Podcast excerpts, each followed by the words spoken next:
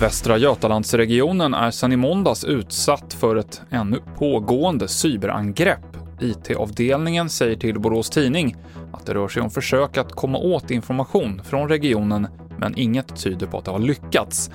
Västra Götalandsregionen har polisanmält det här och har löpande kontakt med Säpo.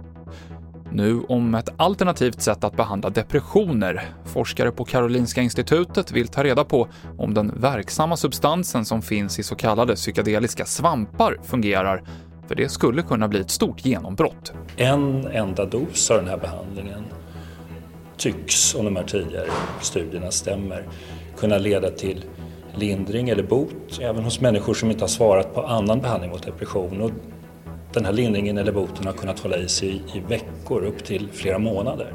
Det sa Johan Lundberg som är psykiatriläkare och docent på KI.